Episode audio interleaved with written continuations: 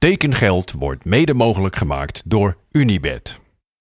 Goedemorgen vrienden en welkom bij aflevering 54 van Tekengeld.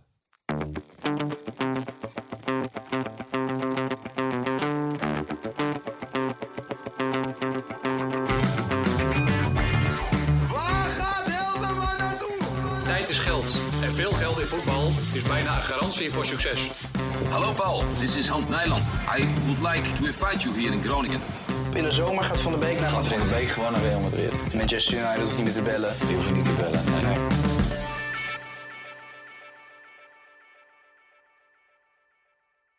Ajax en Dynamo Zagreb hebben een overeenstemming bereikt over de overgang van Josip Sutalo naar Ajax. De clubs kwamen een transfersom overeen waarbij Ajax 20,5 miljoen betaalt aan Dynamo Zagreb. Dit bedrag kan middels variabelen oplopen tot 23,5 miljoen.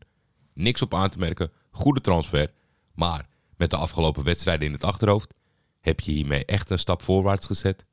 Ik zie voorlopig bar weinig licht in de duisternis. Eén transfer, dat is al meer dan gisteren, maar niet genoeg om nog door te kletsen. Maar het is zondag, dus laten we wat vragen doen. Pim die zegt, ik had eigenlijk verwacht dat Gift Orban wel een stap gemaakt zou hebben gezien zijn explosieve carrière. Welke club zou jij een mooie stap vinden? De club vind ik lastig, de competitie denk ik Italië. Ik denk dat Genk supporters het niet zien zitten, maar het voelt toch wel echt alsof je nu de hoofdprijs moet pakken voor Gift en weer hopen dat je scoutingsapparaat een nieuwe vondst paraat heeft staan op het lijstje. Leander zegt Ziyech of Saniolo? Mm, Lastige vraag, maar uiteindelijk, echt uiteindelijk toch Hakim Ziyech. Saniolo was echt fantastisch. Het is natuurlijk gewoon ook een speler met een bepaalde status, ondanks dat de Roma-supporters niet helemaal blij met hem waren. En ja, gozer uitstraling heeft afgelopen seizoen perfecte dingen gedaan voor Galatasaray. Heeft ons in een korte tijd heel veel geld opgeleverd. Maar uitkijken naar elke week Hakim Ziyech, daar heb ik meer zin in. Richard zegt na de wedstrijd van Ajax tegen Excelsior ontbrandde de, kunstgrasdiscussie weer. Tussen aanhalingstekens is binnenkort afgelopen. Wat is jouw mening over kunstgras en waar speel je liever op? Echt gras of kunstgras? Ja, ik ben van de generatie dat ik toch wel heel veel op echt gras heb moeten spelen. Met de weersomstandigheden in Nederland in het achterhoofd is kunstgras natuurlijk voor de amateurtak wel oprecht een oplossing. Ja, ik, ik moest nog wel eens eh, zondagochtend bij de radio zitten. Gaat het door, gaat het niet door? En toen uiteindelijk bijna iedereen kunstgras had, hoefde dat nooit meer te gebeuren. Dus ik denk echt voor de amateursport, eh, ja, even in acht nemen, omdat we dan wel goede vulling doen die niet eh, schadelijk is voor degenen die, die erop spelen. Dat dat een goede oplossing is. Maar ik blijf erbij dat goed voetbal en als je kijkt naar de budgetten van de clubs, dan moet daar gewoon een deel voor gereserveerd worden. Want we zien het overal ter wereld. Het kan gewoon, je kan gewoon een, go- een goede grasmat is gewoon mogelijk. Dat kan je zo dusdanig onderhouden. Dus laten we voor het profvoetbal zeker op echt gras gaan spelen en blijven spelen. Topredacteur George Grol wil weten waarom Brescia Calcio nog niet is ingedeeld in een competitie. George, ik heb werkelijk geen idee. Maar natuurlijk met Wesley en Willem in ons team krijg jij hier heel snel antwoord op. Als het een leuk antwoord is, bewaar ik hem voor tekengeld. Is het een saai antwoord, dan app ik het gewoon. Dus dat komt goed. Wouter Boelkamp. Ben je bereid om tot het einde van de transferperiode elke dag een Martin de Roon-achtige social media post te plaatsen als je daarmee voor kan zorgen dat hij niet naar Galatasaray komt? Rogerio maakte nog de leuke grap Felipe Rono. En volgens mij was er nog iets eh, in de hoek van, eh, van Martin de Roon. Ja, weet je wat het is jongens? Ik heb een bepaald beeld erbij. Dat komt natuurlijk door zijn social media uitingen. Dat helpt allemaal niet. Het is natuurlijk ook geen super aantrekkelijke speler om naar te kijken. Wel heel belangrijk voor het teamproces. Lijkt helemaal op zijn plaats bij Atalanta. Dus laten we dat gewoon zo laten. We zien hem vaak in actie. Of tenminste, de enige plek waar we hem in actie zien buiten Atalanta is het Nederlands elftal. Daar merk ik dat er eigenlijk niet eens een tweestrijd is. Over het algemeen, als het Martin de Roon speelt, zijn mensen niet blij. Dus Atalanta is zijn plek. Eh, ik kan gewoon die post negeren. En Wouter, ik ben absoluut bereid als... Ja, ik heb het gewoon niet in me. Dus als je me wil helpen dat we samen elke dag een post verzinnen... waarvan, nou ja, toch een groot deel van de bevolking denkt... lachen, maar wij twee niet. Help me. En dan komen we er samen zeker uit. Richard, de tekengeld transfer bingo winnaar van gisteren, die zegt, die merkt terecht op dat zijn vraag waarschijnlijk vorige week niet behandeld is. Dus hij zegt die van vorige week in herhaling. En dan denk ik, ja, van vorige week, toen was er één speelronde gespeeld. De beste en meest tegenvallende transfer Eredivisie na twee speelrondes. Hoe, hoe moet ik dat nou doen? Twee speelrondes. Eh, Ik, Nicolescu van Heerenveen, toptransfer. En eh, Noah Lang. Heeft, twee, heeft speelronde 2 niet eens gespeeld, maar toptransfer. Meest tegenvallend. Zo, eh, even kijken. Wat gaan we dan... eh, laten we dan wel hoog in de boom gaan zitten en, en totaal ongefundeerd. Zerouki speelde vandaag niet. Miskoop van Feyenoord. Akpom zat op de tribune. Miskoop van Ajax. Ja, Risa, dit, dit, met jouw type vragen zijn dit het type antwoorden dat ik ga geven. Het spijt me zeer, maar na twee rondes, dat kan toch echt niet, jongens. King, Pantelic, Neymar, Messi, Ronnie en Benz hebben Europa nu allemaal verlaten. Modric gaat hem niet nog eens winnen. Laatste speler buiten dit rijtje die de ballon doorwon was Kaká in 2007. Welke vijf of drie, als je niet meer weet, verwacht jij dat de komende jaren gaan domineren om deze trofee natuurlijk? Ja, één, die kunnen we afstrepen, Kylian Mbappé. Twee, omdat hij heel veel doelpunten maakt, maar we weten hoe belangrijk internationaal succes is voor eh, de jury. Haaland. En voor de rest denk ik dat het heel erg open ligt. Weet je, Haaland en Mbappé hebben al helemaal dat stempel van eh, voor de, voor de FIFA-spelende kinderen en, en hun reputatie mee wat dat betreft. Voor de rest moeten we natuurlijk even afwachten van alle jonge, talentvolle spelers van Real Madrid. In hoeverre zij dominant kunnen zijn. Hun positie zit niet helemaal mee. Misschien een Bellingham, misschien een Camavinga. Voor de rest, ik denk ja, dat, je, dat we gelukkig misschien naar een tijd gaan waar, waarin het dus heel erg wisselt. Het ene, dat het echt nog een soort van beloning is. En niet zozeer van, oké, we moeten kiezen tussen Messi en Ronaldo. Wie heeft de meeste doelpunten gemaakt? We kiezen hem. Eh, eh, Wat dat betreft zou het voor de prijs goed zijn de aankomende jaren dat we het niet per se weten. Maar ja, wie stopt eh, Kylian Mbappé? Het zal lastig voor hem zijn natuurlijk om die hoofdprijs, internationale hoofdprijs te winnen met zijn club. Maar met zijn land maakt hij altijd kans. Dus wat dat betreft, Haaland echt pure centrumspits. Ja, als hij de 50 inschiet, dan zijn mensen daar ook gevoelig voor. Dus ja, ik denk dat het redelijk open ligt. Maar dat Mbappé en Haaland een soort van voorrangspositie hebben. Net als eh, Messi en Ronaldo dat de afgelopen jaren hebben gehad. Daan die vraagt zich af, zorgt de komst van Ziyech ervoor dat je een nieuwe favoriet hebt bij Gala en dat Icardi dus met lege handen achterblijft? Nee, natuurlijk niet. Kijk, ik, ik heb een, een, een weak spot voor Ziyech, dat zeker. Dus ik zal me heel geduldig opstellen en ik kijk er naar uit dat hij van meerwaarde wordt. Maar ja, alleen alweer met, alleen alweer met de wedstrijd van gisteren in het achterhoofd. Icardi voorbij gaan op die rangschikking is niet makkelijk hoor, Daan. Is niet makkelijk. Hoe gek ik op Ziyech ook ben, maar Icardi is wel echt even buiten categorie.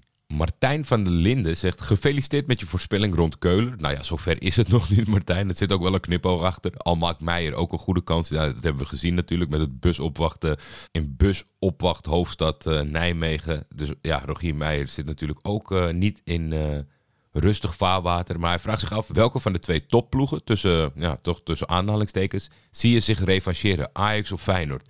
Allebei natuurlijk geen fantastische start gemaakt.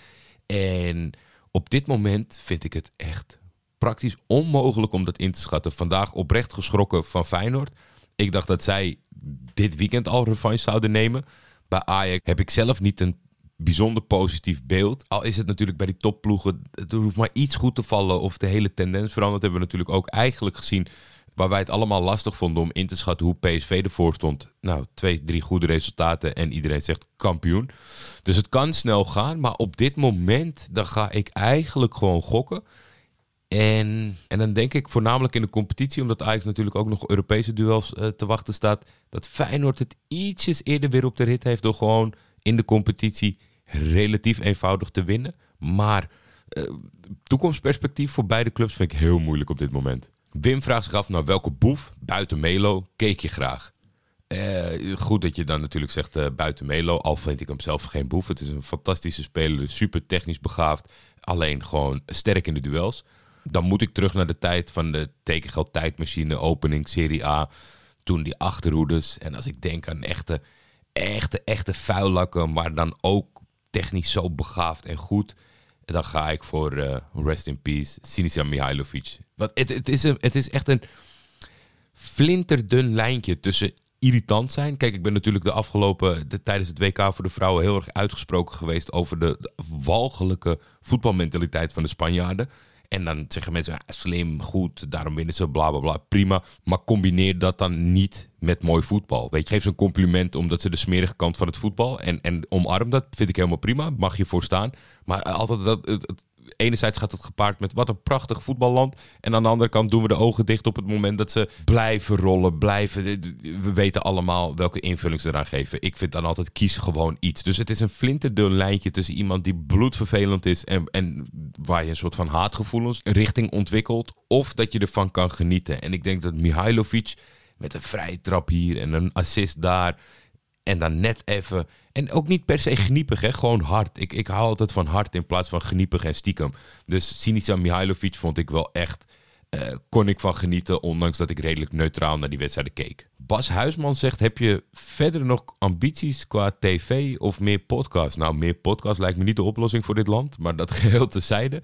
Eh, ik moet zeggen dat eh, nu we eenmaal weer vuistdiep zitten in het tweede seizoen van Tekengeld, denk ik wel eens van waarom ga ik niet gewoon oneindig door? Gewoon voor de rest van je leven elke dag een podcast over voetbal met mij en we zien wel het schipstrand. Maar qua nieuwe ideeën momenteel echt niet. En qua tv is het nog moeilijk, omdat ik voor mezelf een redelijk afgebakende ambitie heb. Ik, ik, ik vind het heel leuk wat ik nu doe. Dat vind ik fantastisch en ik ben blij dat ik daar gekomen ben. En binnen de zender zou ik me heel graag willen ontwikkelen. En ik, en ik denk dat het zo goed als alleen maar leuke programma's maken, voetbalinhoudelijk en weinig poespas. Dus binnen ESPN zou ik zeker ambities hebben om nog meer te doen. Maar het is niet zo dat ik denk, lingo, dat is voor mij aankomende jaren. Ik ga nu en slimste mensen, zoals met Jan Bavink. En dat is, op dat gebied is het echt nul. Op één hoeft niet te bellen. Het boulevard hoeft niet te bellen. Dat vind ik al. Dus het is heel afgebakend. Dus ik hoop gewoon dat ik uh, uh, mijn best mag blijven doen voor ESPN en dat dat leidt tot meer. Maar, maar voor de rest in het tv-landschap heb ik geen uh, specifieke ambities. Lennart die zegt, heb je nog nieuwe Nederlandstalige boekentips? Uh, ja, die heb ik wel. En hij zegt, mag zowel voetbal als niet voetbal gerelateerd. Nou, voetbal lees ik echt heel weinig. Hij zegt, je boekendraadje makkelijker vindbaar maken is ook fijn. Vroeger had ik die onder een sneltoets. Maar ik ga die voor jou opzoeken, dat beloof ik. Die, die krijg je van mij. En ik zit nu te lezen wat heel prettig leest. Uh, moet ik ondertussen gewoon heel even googlen. Uh, meneer, meneer Wilder en ik van Jonathan Coe. Is echt een. Uh, sowieso, als je nog nooit iets hebt gelezen van Jonathan, zoek dat op en probeer het een keer. Als dat één keer je smaak is, dan denk ik dat je ook dit een leuk boek zal vinden. Voor de rest moet ik zeggen, nu in tekengeldperiode sowieso een lastige periode om goed boeken te lezen. Maar ik kijk er naar uit dat ik daar weer veel tijd voor heb en in kan duiken. Bas Groeneveld, wat is het verhaal van het gebruik van het logo van Venner en dat heel de comment-sectie van Twente ermee vol staat? Dat nu het goede logo gebruikt is. Uh, Bas, het zit namelijk zo. In Turkije hebben de clubs natuurlijk sterren boven hun logo. Voor elke vijf titels krijg je één ster. En in Turkije is ooit besloten dat de competitie die is gaan tellen sinds 1959. Daarvoor werd er al gevoetbald. Dat is een deel van de Turkse historie. Dat waren regio-competities, et cetera, et cetera. Daar valt van alles van te vinden. Echter, in Turkije is het zo, er is besloten vanaf 1959. En zo zijn ze gaan tellen. Galatasaray heeft zijn titels, Fener heeft zijn titels, Besiktas heeft zijn titels. En in het hele traject, uh, heeft natuurlijk, ik denk, 20 jaar dezelfde voorzitter gehad. En daar is nu een andere man voor in de plaats gekomen, ik denk een jaar of vijf geleden.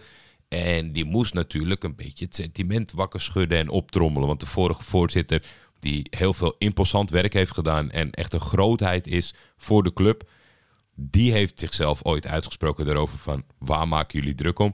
En het probleem is een beetje in Turkije dat ondanks dat ze zelf wel weten dat het een bepaald kinderachtig onderwerp is, maar als je aan iemands club gaat zitten, dan wordt het een kwestie van leven en dood. Wat heeft Twente gedaan? Twente heeft de eerste de beste hit op, op Google gepakt en dat was een Fenerbahce logo met vijf sterren. En daar gaat die hele discussie over. Op papier hebben zij momenteel drie sterren. En zij willen zelf graag zich uiten met vijf sterren. Galatasaray heeft op dit moment vier sterren. Komen dicht in de buurt van vijf sterren. En daar gaat het in over en weer. Maar de bedoeling is dus, en de UEFA en de Turkse, voornamelijk de Turkse voetbalbond, heeft gezegd: mag niet, niet doen. En daarop verder komt de ene week het veld op met een shirt zonder sterren. Dan weer met vijf sterren. Dan weer met nul, uh, drie sterren. Het, het, het gaat alle kanten op. Maar wat er is dus gebeurd, is dat Twente dat verkeerde logo heeft gebruikt. En daardoor een soort van, ja, het is natuurlijk niet het meest interactieve account wat er is. Dus die vonden het denk ik ook wel leuk om te zien dat er ineens 10.000 uh, berichten onder zo'n post stonden. Hebben ze nog een keer een post gedaan met weer die vijf sterren. En volgens mij hebben ze het nu teruggedraaid, omdat ze misschien zichzelf geïnformeerd hebben. Maar ik moet zeggen, als FC Twente zijnde zou ik ook optimaal gebruik maken van deze interactie. Je weet niet wat er blijft plakken. Er is een soort van broederschap ontstaan tussen de Venner en de Twente supporters, omdat zij ons echte logo hebben gebruikt. Het is te kinderachtig voor woorden, maar ja, het houdt je bezig. En van de straat. Nou, we zitten alweer op aardig wat minuten, dus ik ga er even of doorheen vliegen of zo afronden. Wim Vis, stel je mag een speler uitkiezen als het boegbeeld in de verdere promotie van Schietvogeltje Media. Wie zou het zijn en waarom is het niet Michiel Kramer? Nou ja, Michiel Kramer en ik, dat is volgens mij sowieso niet de allerbeste combinatie, eh, maar dat zal geheel wederzijds zijn. Dus ik, nee, dat is inderdaad niet Michiel Kramer. Eh, zo, ik vind het wel een lastige vraag hoor. Een uithangbord. En ja, jij gaat toch een beetje Michiel Kramer in de, in de Nederlandhoek zitten. Wie van de eredivisie zou ik graag inzetten als uithangbord voor Schietvogeltje Media? Ik denk dat ik dan weer voor een naam moet gaan die al is gevallen. Noah Lang past er wel bij. Ik denk, ja, dan mag je je eigen invulling aangeven. Maar in zekere zin eh, past dat heel goed. Paul die vraagt zich af, wat voorspel je voor de Nederlandse clubs in Europa deze donderdag? Ik voorspel een bijzonder taai duel voor Ajax. Met waarschijnlijke resultaten waarmee ze in Amsterdam niet gelukkig zullen zijn. Ik denk niet verlies, maar ik denk een taai gelijkspel. Ik verwacht dat uh, AZ Bran oprolt. En ik ben heel erg benieuwd naar hoe Twente zich staande gaat houden. In een volle bak, in een volle huis tegen, tegen. Ik denk misschien voor een Nederlandse tegenstander tactisch gezien niet extreem ingewikkeld voor de dag zullen komen.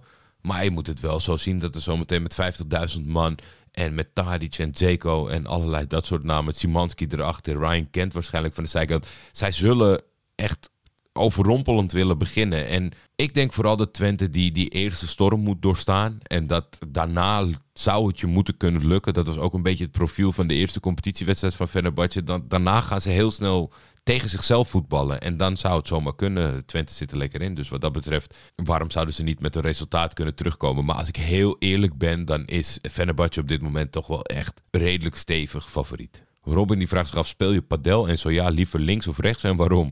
Ik heb één keer padel gespeeld, omdat iedereen in het land helemaal verslaafd is geraakt aan padel. En ik snap het ook, want het was hartstikke leuk. Maar ik heb uh, hele zware knieblessures gehad. En daarmee gaat voetballen tegenwoordig nog wel. Maar padel heb ik echt drie weken krom van gelegen. Dus dat heb ik na die ene keer niet gedaan. Dus tijdens mijn debuut heb ik nog niet echt een voorkeur kunnen ontwikkelen. Maar Robin, als jij zelf een voorkeur hebt en die extreem uitgesproken is, laat het me weten. Dan kan ik dat in ieder geval aan andere mensen die gaan opstarten of die net zijn begonnen, kan ik het daaraan doorgeven. Tot slot Jeffrey. FC Utrecht verkoopt Boussaïd en haalt 23-jarige Tsjech, 99% zeker, voor terug Vasil Couchet. Hoe kijk je naar de transfers bij FC Utrecht? Nou ja, kijkende met een half oog vandaag naar de wedstrijd en sowieso mijn beeld bij Utrecht. En dan valt het qua namen die zijn aangetrokken deze zomer wel mee. Maar Utrecht heeft een namenprobleem. Utrecht koopt altijd alleen maar spelers die wij met z'n allen al kennen. En waarvan wij zeggen, ah, die is best wel aardig. En daar denken we niet van, nou, die moet bij Ajax, PSV of Feyenoord spelen. En dan denken we ook niet van, die moet bij AZ spelen.